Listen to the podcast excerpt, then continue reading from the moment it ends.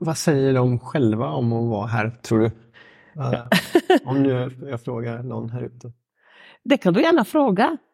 Eh, men det jag har eh, från dem är det att de äntligen har fått en plats på jorden.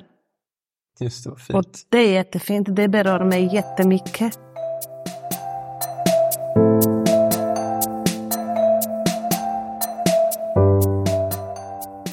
Du lyssnar på Engagemanget och du hörde precis dagens gäst, Anna Emilia Claesson, som är verksamhetsutvecklare vid Remake i Emmaboda.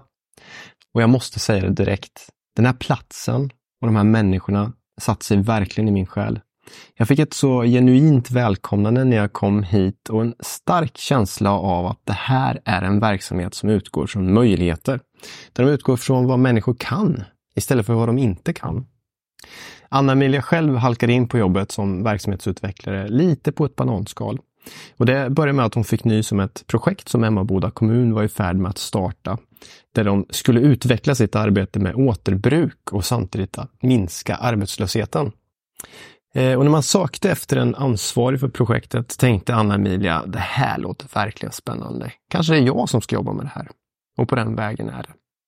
Drygt tre år senare har Remake blivit en ordinarie verksamhet där de producerar högkvalitativa designprodukter i allt från textil till glas.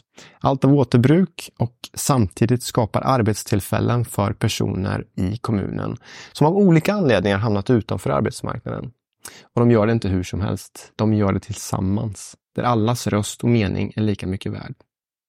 I den här podden vänder och vrider vi på hur vi tar oss an komplexa samhällsutmaningar. Såsom till exempel arbetslöshet, klimatet, barnfattigdom, brist på demokrati, inkludering och segregation och mycket mer. Gör mig sällskap i samtal med praktiker, myndigheter, forskare, där vi genom olika perspektiv på samhällsutmaningar letar efter nya idéer och möjligheter för att lösa dessa. Oavsett om du är en samhällsentreprenör, jobbar i en myndighet, forskare eller helt enkelt är en engagerad medborgare som söker efter inspiration och insikter. Den här podden är för dig. Och idag får du alltså följa med mig till Emmaboda där jag samtalar med den fantastiska Anna-Emilia. Håll till godo och hoppas att du ska gilla det.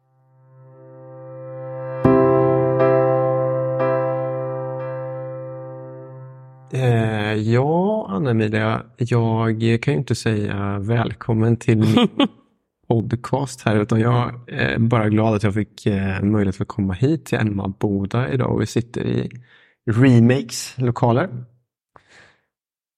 Hur är livet idag med dig?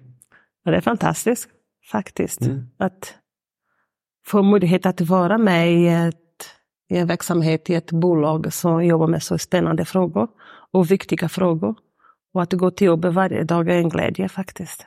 Mm. Det är jätteroligt. Jag sa det precis innan vi började att jag ska ju själv göra ett eh, litet föredrag här senare idag.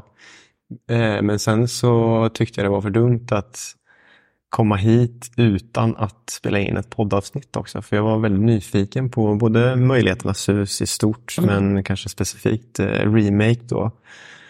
Eh, så, um, men skulle inte du börja eh, med en liten kontext till den som lyssnar här? Så vad är Möjligheternas hus och vilka delar består det av? Mm. Egentligen? Möjligheternas hus är ett kommunalt bolag som ägs 100 procent av Emmaboda kommun. Eh, vi har idag fyra inriktningar, fyra verksamheter. Vi har miljöstationen där Emmabodabon kan lämna sitt eh, avfall. Och avfall behöver inte vara någonting negativt. Det kan vara från möbler till papper. Det kan vara olika saker. Eh, vi har en liten eh, sortering av det som kommer in eh, på miljöstationen. En del saker går till eh, second hand butiker som vi har som är en viktig eh, både försäljningsyta av billiga produkter men också en mötesplats för personer som vill komma och träffa andra personer. Eh, kanske personer som inte har råd att köpa kläder eller husgeråd i finare butik. Då kommer de till second hand. Där vi har ett litet café också. kan man eh, ta en kopp kaffe och prata och socialisera. Vi har eh, arbetsmarknadscentrum där vi jobbar nära myndigheter och olika organisationer för att ta emot personer som söker jobb eller vill gå vidare till utbildning. Så vi stödjer dem, hjälper med CV-skrivning och matchning mot arbetsliv. Eh, olika aktiviteter för att hjälpa dem att eh, gå vidare i arbete. Och sen har vi Remake som är den senaste. Eh, där vi Ta emot det som inte går att sälja på second hand. Vi återanvänder här, vi gör om saker. Eh, och vi också tar emot, eh, vi kallar avfall, från olika industrier. Där vi tillverkar nya designade produkter. Eh, Just det, jag fick en rundtur innan vi startade här och eh, fick veta att ni bland annat tar emot, hur många hundra kilo var det? 200 eller 400 kilo av tyg yeah. varje månad ja. som ni gör olika yeah. nya produkter yeah. av. Och det är inte tyg som kommer till second hand, då är det tyg som är avfall från industri. Eh, som är ja, restprodukt av en produktion som vi hämtar och sorterar och tillverka nya produkter. Och vi har eh, en del av produkter som vi har tillverkat här, det har vi haft ett samarbete med eh, Chalmers universitetet, deras studenter inom designprogram, industridesign, som kommer hit och gör sina examenarbete här hos oss. Det har varit ett väldigt framgångsrikt koncept. Vi har jobbat med dem i tre år. Och Möjligheternas hus fyllde 30 år förra året. Ja. Det stämmer va? Mm. Eh, och jag fick en kort eh, eh, historia kring, kring det, men eh, varför startade Om du använder dina ord. Ja. Och, och, varför just här egentligen? Jag fanns inte med när de startade. Eh, men det startades, jag fick höra av en kollega som har varit med från början. Det startades av en, en CEO-konsulent som såg många ungdomar som inte hade något att göra. De bara strussade runt i kommunen. Och mycket avfall, mycket miljö. Eh, problemen med inom miljö. Eh, mycket som slängs överallt. Så den personen tänkte att man skulle kunna göra någonting. Kombinera de två sakerna. Ja, precis. Ja. Eh, ta hand om miljö och sen ja. ungdomar som kunde sysselsätta sig. Och då startade de eh, Möjligheternas hus. Så började det. På den tiden fanns det och med en liten hönsgård. De hade lite höns och så fick man plocka ägg och ta med sig hem. Spännande. Mm. Och det så började det. Precis, jag, jag tänker att det är väldigt fint ord. Möjligheternas hus, jag gillar det. Mm. Det känns positivt när mm. man kommer dit. Eh, och jag som kommer utifrån då eh, tänker så här om Småland generellt kanske, att det finns en speciell eh, så här, entreprenörskapsanda och nybyggaranda liksom, i, i Småland. på något sätt. Ligger det något i det tror du? Ja, men det tror jag. Eh, det har funnits väldigt många små företag i Emmaboda kommun eh, inom glas, inom trä, olika material. Eh, den fastigheten där Möjligheternas hus har sin huvudverksamhet, det var en, trä, en möbelfabrik en gång i tiden. Det har funnits där. Och jag, utifrån det jag vet, det är att det var tufft för smålänningar att överleva under en viss period. Eller hur? Det var tufft att odla för det fanns bara stenar. Eh, marken var inte så lätt att eh, använda till jordbruk. Men eh, då måste man vara entreprenör, entreprenöriellt för att kunna överleva. Det är spännande det du säger. Det har jag funderat på mycket i förhållande till andra om man ska kalla små eh, landsbygdskommuner runt omkring i Sverige så är det ofta så. Mm. Och kanske ännu mer ute på landet i byar och så där man eh, måste ta saker i egna händer. Yes. Man hade inte tillgång till rinnande vatten, telefon Nej. eller infrastruktur, det fanns inte. Det kräver ju en kreativitet yeah. och, och vilja att mm. skapa någonting. Och det kräver samarbete. Just det. För man är väldigt beroende av varandra. Mm. Och ni, jag noterade också att ni har en slogan. Nu har ju alla kommuner, det tycker jag är så himla spännande att se mm. på slogans. Ni har en slogan som heter Emmaboda i våra hjärtan. Mm. Det är faktiskt kommunens slogan. Ja, det, ja precis, det är kommunens slogan. Eh, och den är, den är fin, signalerar en plats liksom som man vill stanna kvar i. Och även om man flyttar härifrån så har man kvar platsen i sitt hjärta. Mm. Lite som om, om du har varit i Malmö någon gång så, så Zlatan kommer från Malmö och Mm. Han har någon gång sagt så här att man kan, eh, du kan ta en kille från Rosengård men du kan, du kan aldrig ta Rosengård från en kille. Ja. det är ibland samma sak tänker jag med Emma Boda. Eh, Jag vet inte var jag vill komma med det men det känns Ja. som att det finns någon slags själ här. Men jag tror det, det finns någonting i det du säger. Eh, jag själv kommer inte härifrån, men min man har släktingar som är härifrån. Och när jag kom hit första gången och besökte Emmaboda, det var eh, för länge, länge sedan. Jag på något sätt fick någon känsla av samhörighet. Jag kände mig så välkommen. Det var så en väldigt härlig känsla.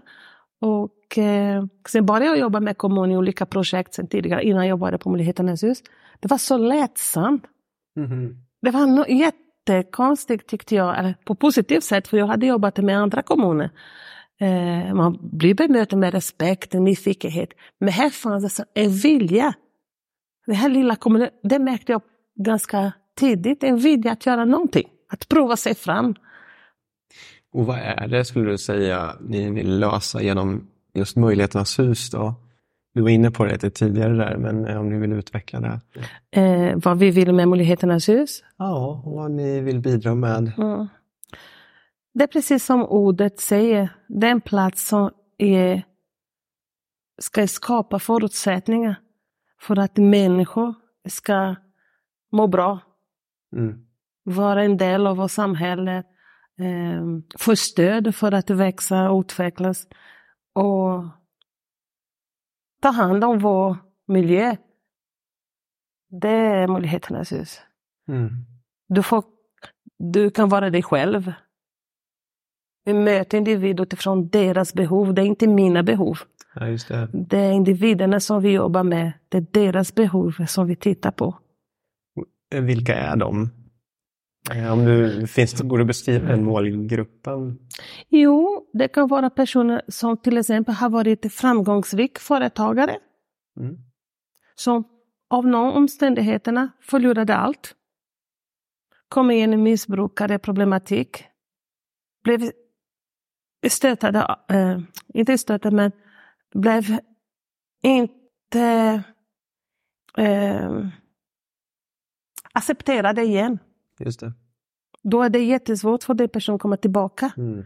Här hos oss, du kan sitta här och ta en kopp kaffe och prata. Eh, Du kanske inte är här åtta timmar om dagen. Men de timmar du är här, du har någonting att bidra med. Det kan vara en person som har en funktionsvariation, som behöver sitta i lugn och ro och göra någon arbetsuppgift. Eh, Det kan också vara personer som är extremt sociala. Som inte vill sitta hemma, för de mår dåligt att eh, vara ensamma. Det är väldigt komplex målgrupp som vi jobbar med. Och det är det som är intressant. Det är väldigt dynamiskt. Eh, och vi utmanar oss hela tiden. För några personer kommer till oss för att prova sig fram och kanske också titta på, ska den personen gå vidare, kanske den personen vill läsa någonting annat eller är man i en fas i livet som sökande. Eller mm, den personen kanske stannar hos oss också. Det är därför att vi vill skapa flera arbeten inom vår verksamhet. Eh, så de kan mycket väl stanna hos oss. Det är inte så att gå vidare alltid. Vad säger de själva om att vara här, tror du?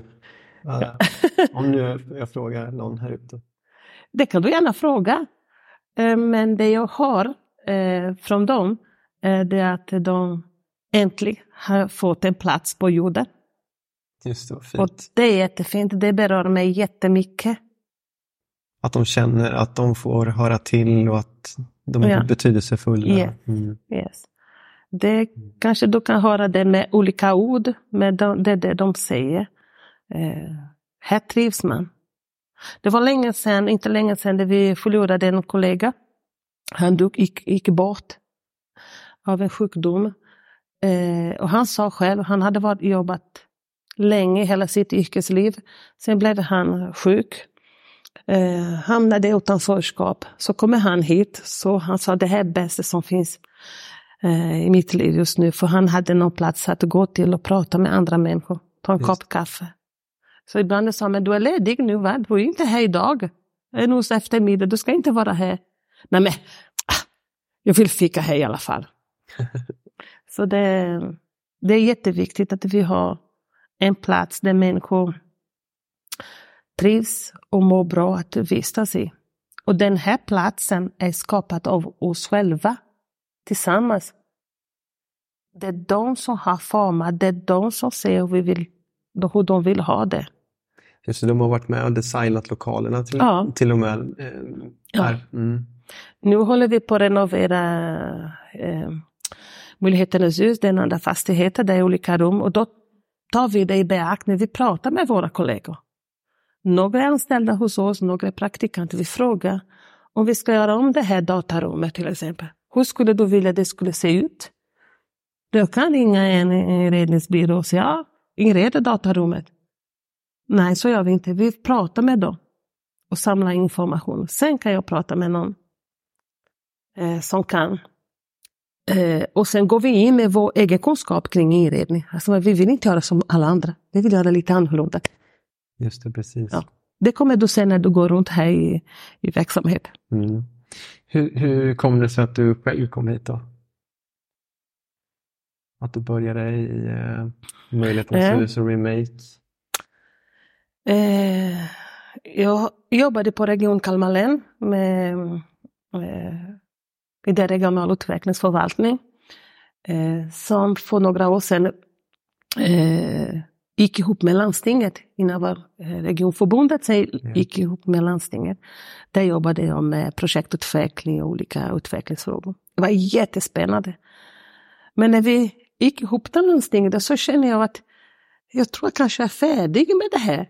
Jag, var, jag tyckte det var spännande att jobba med nya kollegor från landstinget. Det var spännande frågor som jag inte hade tänkt på sedan tidigare. Men alltså jag vill kanske jobba med något annat. Jag vill jobba med människor. Det har jag gjort innan. Eh, jag saknar någonting.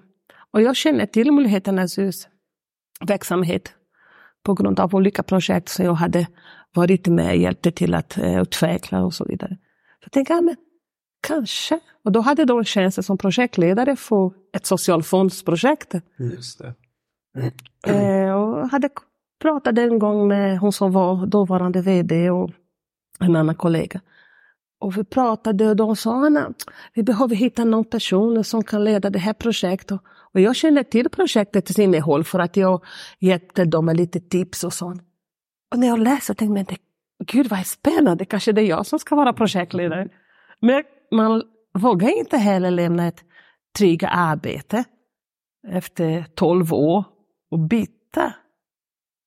Och sen en dag var jag här på besök på Möjligheternas hus och de sa att vi hittar inte någon. Så tittade de på mig och sa, kan du inte vara projektledare? Okej. Okej, sa du bara. Ja. ja, kom jag hem och sa till min man, jag ska byta jobb. Han sa, vad roligt. Han sa, ja, din, din chef kommer inte att bli glad för att jag hade jättebra chef. Mina kollegor var fantastiska. De kommer inte så, bli så glada, men jag tror det är bra för dig, Anna. Och det var dags för mig att göra något annat. En rolig historia. Mm. Tänkte, då, började, då började du med att projektleda ett eh, socialfondsprojekt. Ja. Och, och, som hjälper till att kunna bygga upp den här lokalen. Eller har jag förstått det rätt då? Ja.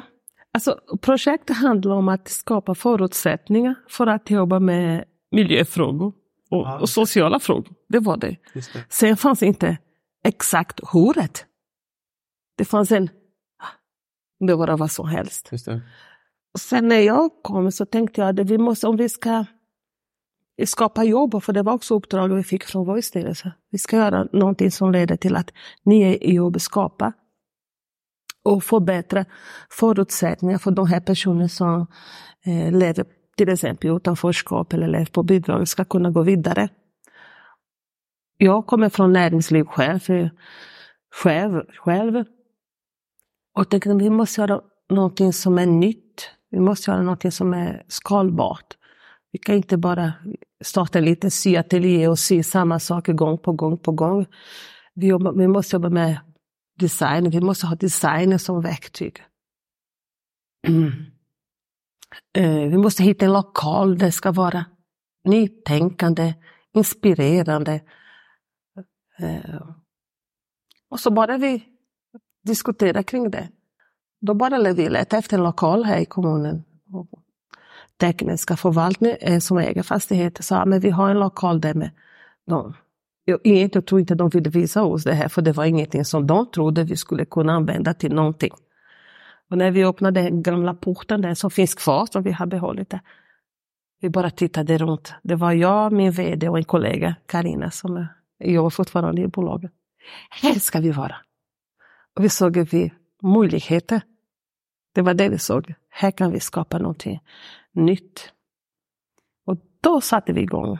Så byggde ni om och eh, något år senare, bara eller ett och ett halvt år senare, så var det i princip klart öppnat. Alltså, det var, under pandemin, det var under pandemin också, för komma ihåg. Det var jättetufft. Det var jättetufft, för att vi håller på att bygga lokaler. Mm. Samtidigt kommer pandemi. Och vi kunde inte, folk ville inte vara hemma, de mådde dåligt att vara hemma. Det var jätteoro hela tiden, så vi fick göra schema efter schema. För att då, vi skulle ändå fortsätta bygga, men kanske inte alla samtidigt skulle vara här. Eh, så det tog lite mera tid än vi hade tänkt oss. På gott och ont också.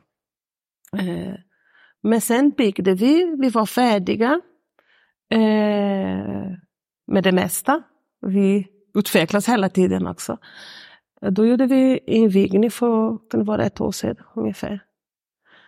Och sen eh, första januari 2023, då blev det permanent verksamhet. Projekt avslutades.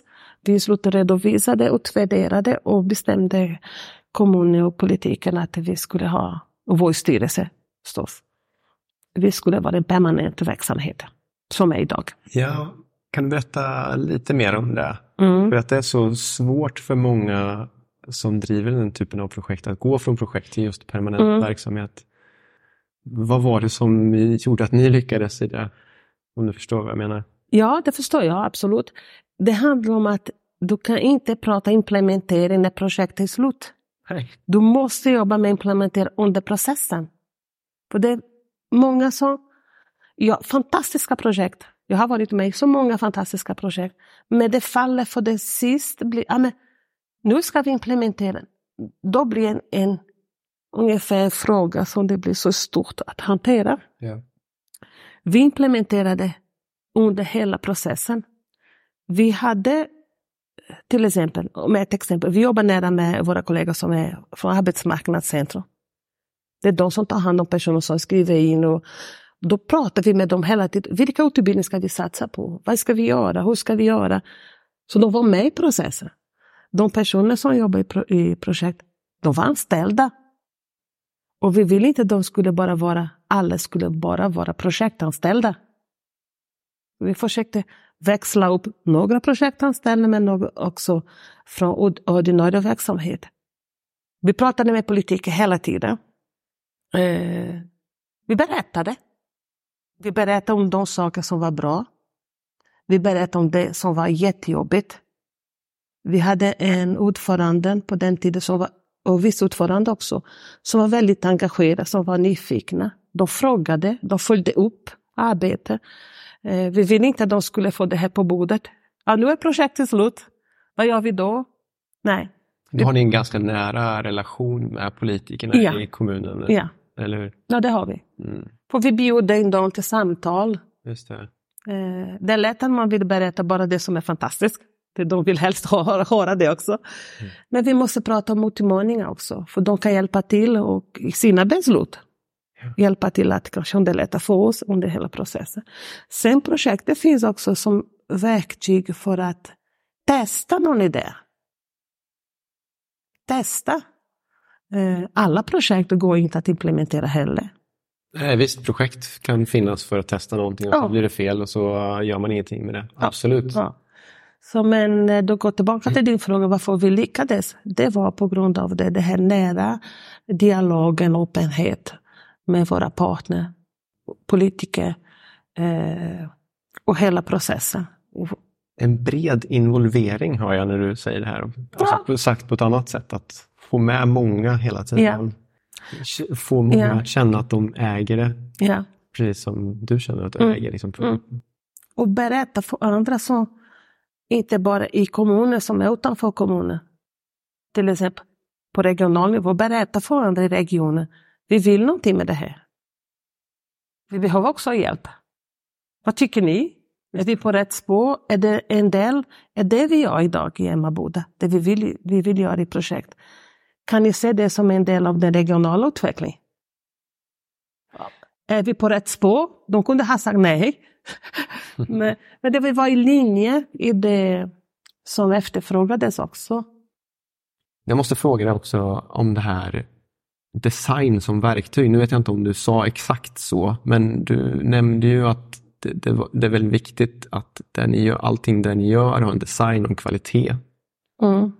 Vill du utveckla det? Varför är det så viktigt?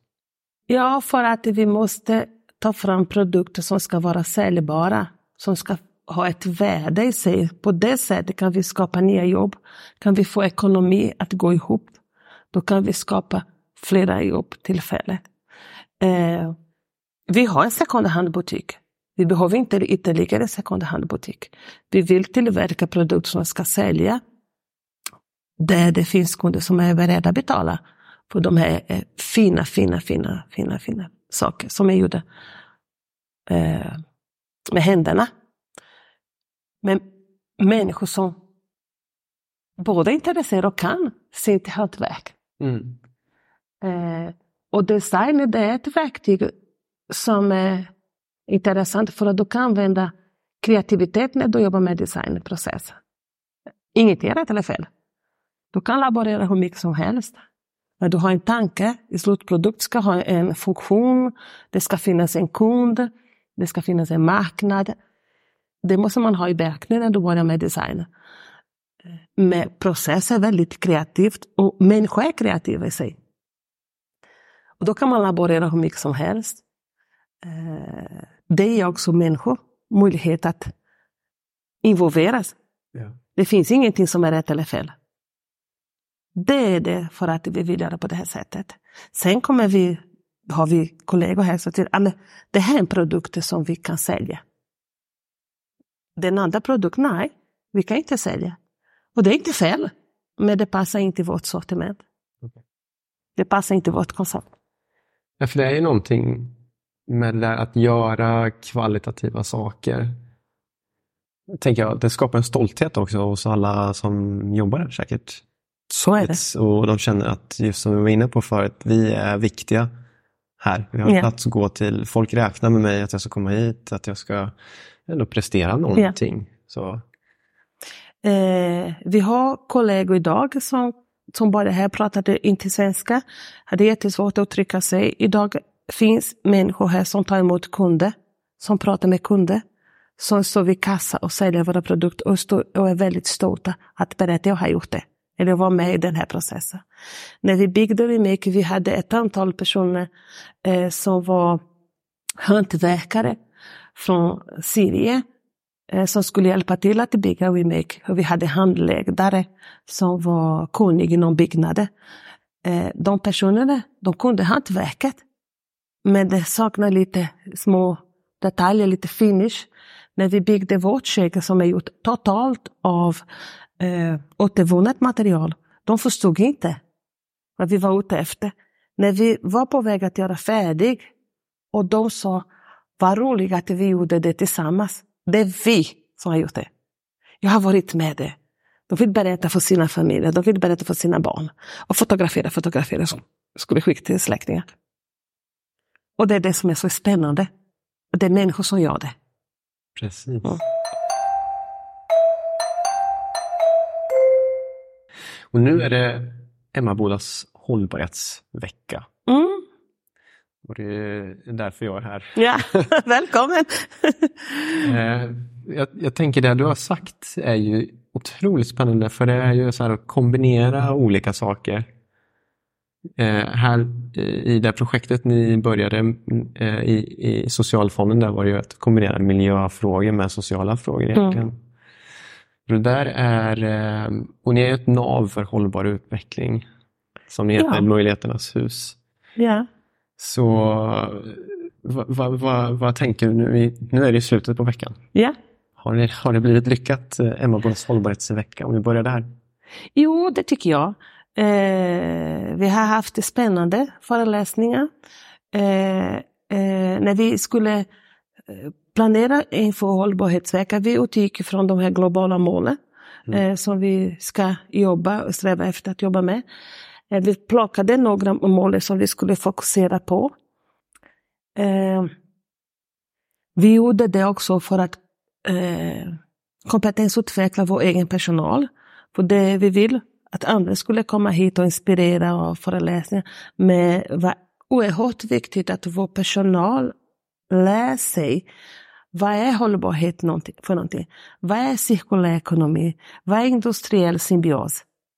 För att om jag som sitter i ledning pratar om det, förstår med mina kollegor, inte förstår vad, jag vad vi pratar om, det blir jättesvårt. Vi måste berätta för dem, vi måste förklara så att man ökar förståelse för varför man gör som man gör. Vi hade IOC, Industriutvecklingscentra här i tisdag som berättade om cirkulär ekonomi och olika sätt att jobba eh, med det. Vi hade studenter från Chalmers och vi hade studenter från IH-utbildning från Kalmar som var här och kom på besök och pratade med oss och lyssnade. Eh, Vi hade årskurs fem igår, fullt med barn här i huset som vill komma för att inspireras. Hur gör man med att ta hand om avfall i miljöstationer? Eh, vad gör man på second hand-butik? Eh, det finns barn som kanske aldrig varit på en second hand-butik. De var här på Remake och kände och klämde på saker och ting. Så vi jobbar väldigt brett. Vi, vi är faktiskt en plats som man kan inspirera och lära sig någonting kring miljö. Och, Det är spännande det du säger nu, eh, just när det gäller kring begrepp. Nu nämnde du ett par olika i farten bara. Mm, så mm. Men greppet hållbarhet i sig är ju för de flesta kanske lite löst i kanterna. Mm. Tänker jag. Även för mig många Mm, gånger. Så här, jag, mm. jag tror att jag förstår Mm. och sen så glider det iväg så förstår jag inte riktigt ändå. Så jag var nyf- nyfiken på hur, hur ni pratar om det här i kollegor emellan, i, i fikarummet till exempel. Så vad är det man pratar om här då? Vi kanske inte, vi pratar självklart, vi nämnde ordet hållbarhet, men vi, vi pratar hållbarhet inom det vi gör. Ja, visst. Vi pratar om att vi ska ta hand om miljö. Eller hur? Hållbarhet handlar om tre olika aspekter. Men vi pratar om miljö. Vi pratar om avfall som vi ska ta hand om. Vi pratar om eh, utanförskap, inkludering. Det är social hållbarhet. Vi pratar om det, vi jobbar med det. Vi pratar om ekonomi. Hur får vi ekonomi att gå ihop? Det är ganska konkret eftersom du, som du säger, vi pratar om och jobbar med det Ja. samtidigt. Väldigt Ja. handfast. Ja, Eller hur? Ja, annars det får inte bli för abstrakt. Vi hade när Josef var här, hon nämnde det här med eh, industriell symbios. Vad är det?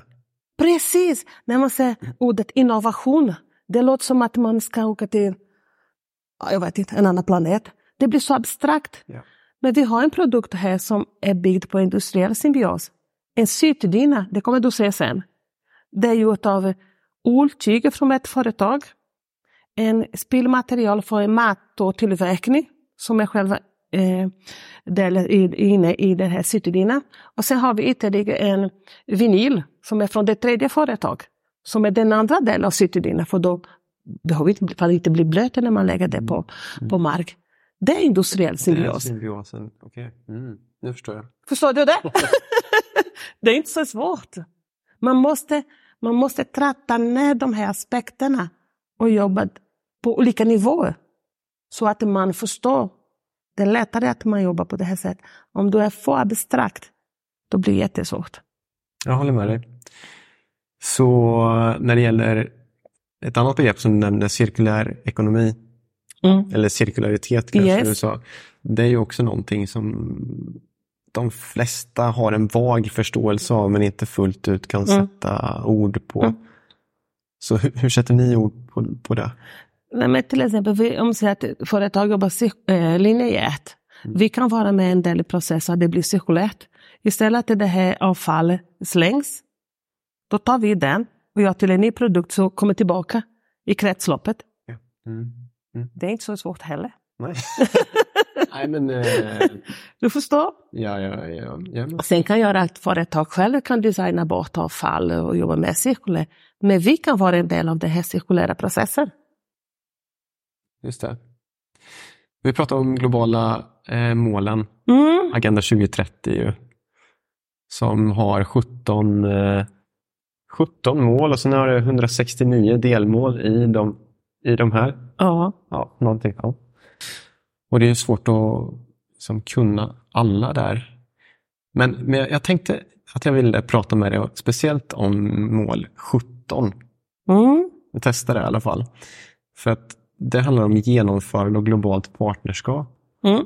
Och sen finns det delmål vet jag som handlar om som, eh, partnerskap mellan olika sektorer. Mm.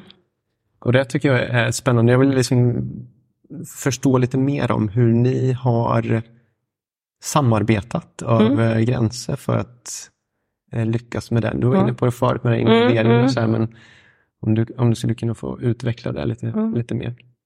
Alltså, vi jobbar, eh, Myndigheternas hus jobbar med olika förvaltningar i kommunen.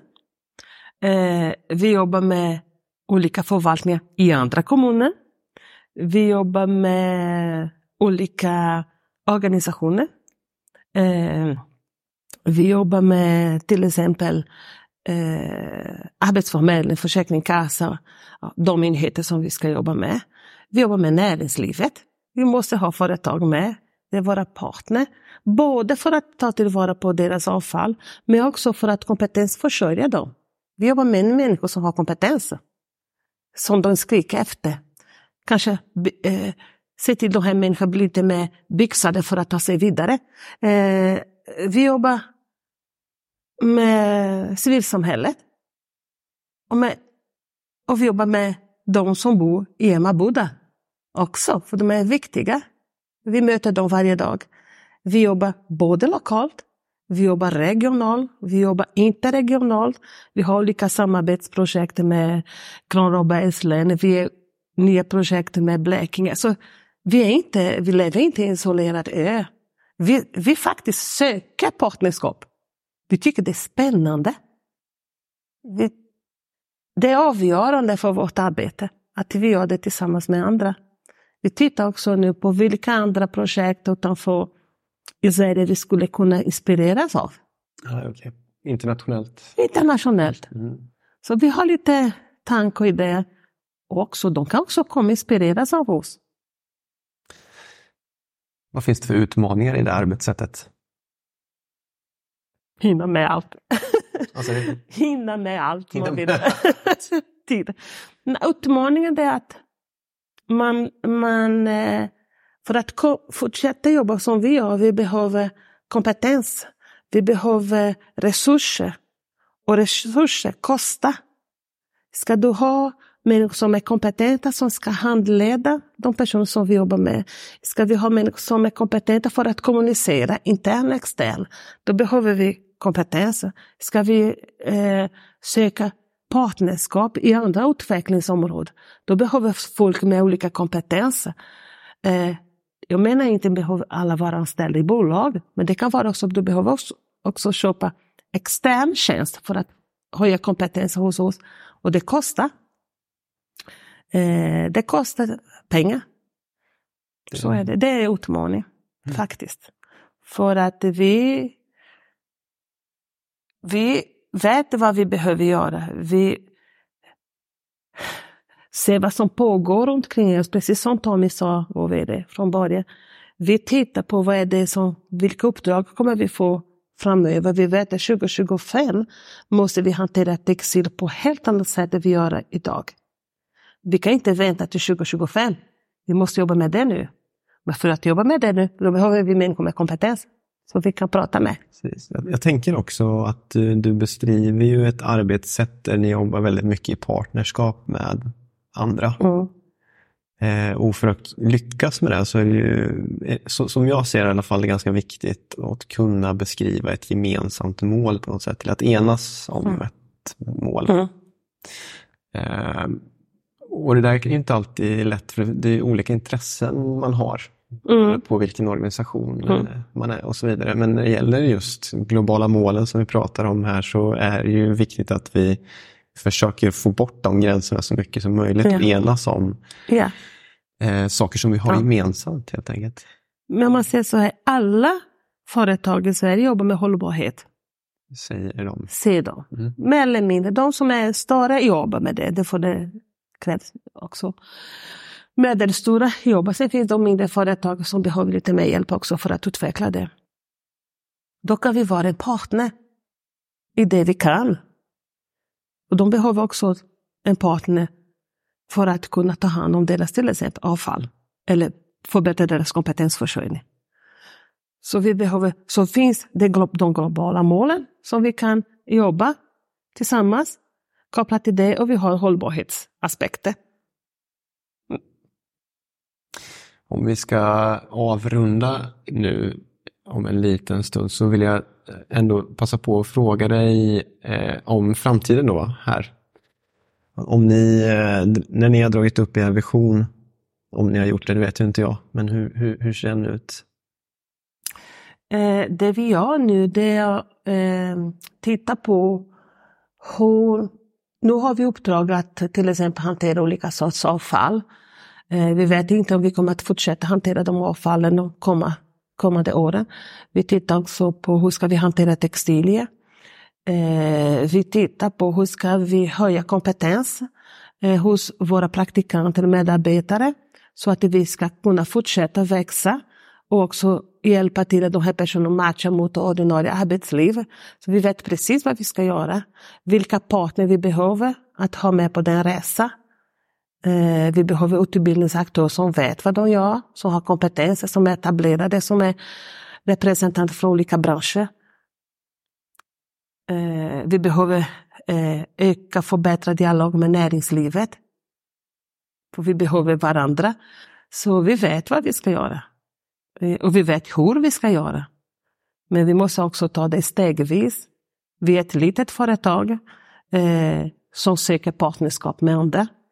Som har samma utmaningar som vi har. Och då blir det lättare för oss att kunna uppnå våra mål. Precis. Jag brukar också alltid avsluta med att fråga så här. Eh, om man vill veta, det är en tvådelad fråga. Mm. Om man vill veta mer om möjligheten att SUS och Remake eh, och eh, om det finns något sätt att engagera sig i det ni gör här. Ta kontakt med oss. Ring eller mejla. Mm. Kom på besök. Kan man engagera sig på något sätt om man är en Emmaboda-bo? Liksom? Finns det något sätt att... Igår det var en, en kvinna faktiskt här som bor här på andra sidan gatan. Eh, andra sidan järnväg. Eh, där. Hon kom hit och hon sa att hon hade jättefin fåtölj hemma. Hon vill absolut inte lämna det till miljöstationen. Hon vill att vi skulle ta emot det. Och då satt vi här och hur gör vi? Ja, vi kan ta emot den. Så tittar vi på den. Är det någonting som vi kan hantera här? Ska vi göra om den? Eller den ska till eh, second hand? Det, det här sortens dialog, annars vi vill att kunden lämnar det, det sorteras. Men om en person kommer ha en aff- affektionsvärde i någonting, vi säger nej men vi tar hand om det, vi får inte ledsen. Och det låser vi här internt, hur vi, hur vi gör sen. Eh, vi jobbar inte med frivilliga organisation på det här sättet att man kommer hit och jobbar några timmar, det gör vi inte. Men vi är öppna för dialoger. Om någon förening som har några idéer som vill samarbeta med oss, absolut. Eh, vi är inte rädda för att prata, vi är inte rädda för att samtala, vi är inte rädda för att testa oss fram. Men vi måste också ta hänsyn till vårt uppdrag. Vi är ett bolag. Vi vet att vi får inte göra vissa saker och det måste vi förhålla oss till det. Vad fint eh, Anna-Emilia. Jag, som sagt, som jag började med, så, så tacksam för att du ville vara med och prata med mig en stund här på fredag morgon den 22 september. Mm. Och att jag fick komma hit. Nu ser jag fram emot att gå en liten ytterligare rundtur i huset Remake och sen hälsa alla välkomna som vill komma hit och, och, och handla i Mm. framtiden. Jag kan verkligen rekommendera. Ja, Vi ser fram emot att fortsätta samarbeta med er. Nyfiken på vad ni sysslar med. Ja, tack för samtalet. Tack.